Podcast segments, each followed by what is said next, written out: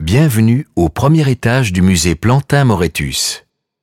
Ici, vous entrez littéralement dans le XVIe siècle, celui de Christophe Plantin et de sa maison d'édition anversoise mondialement connue. Dans les années 1500, la société change de façon radicale et l'imprimerie joue un rôle majeur dans cette mutation.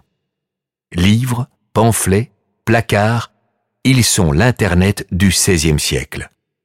Les idées et la connaissance atteignent désormais en peu de temps un vaste public. Sur papier.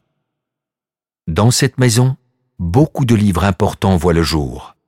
L'entreprise de Plantin s'est forgée une renommée internationale pour son impression de qualité. C'est ce que vous allez découvrir ici en quatre thèmes. La langue, les sciences, l'être humain et la société, et pour finir, la religion. À cet étage, vous pouvez en outre visiter de magnifiques espaces historiques, la bibliothèque, la fonderie de caractères, un authentique salon du XVIIIe siècle, parce que trois siècles durant, des gens ont vécu et travaillé dans cette demeure. Nous vous souhaitons un très beau voyage à travers les époques et les livres.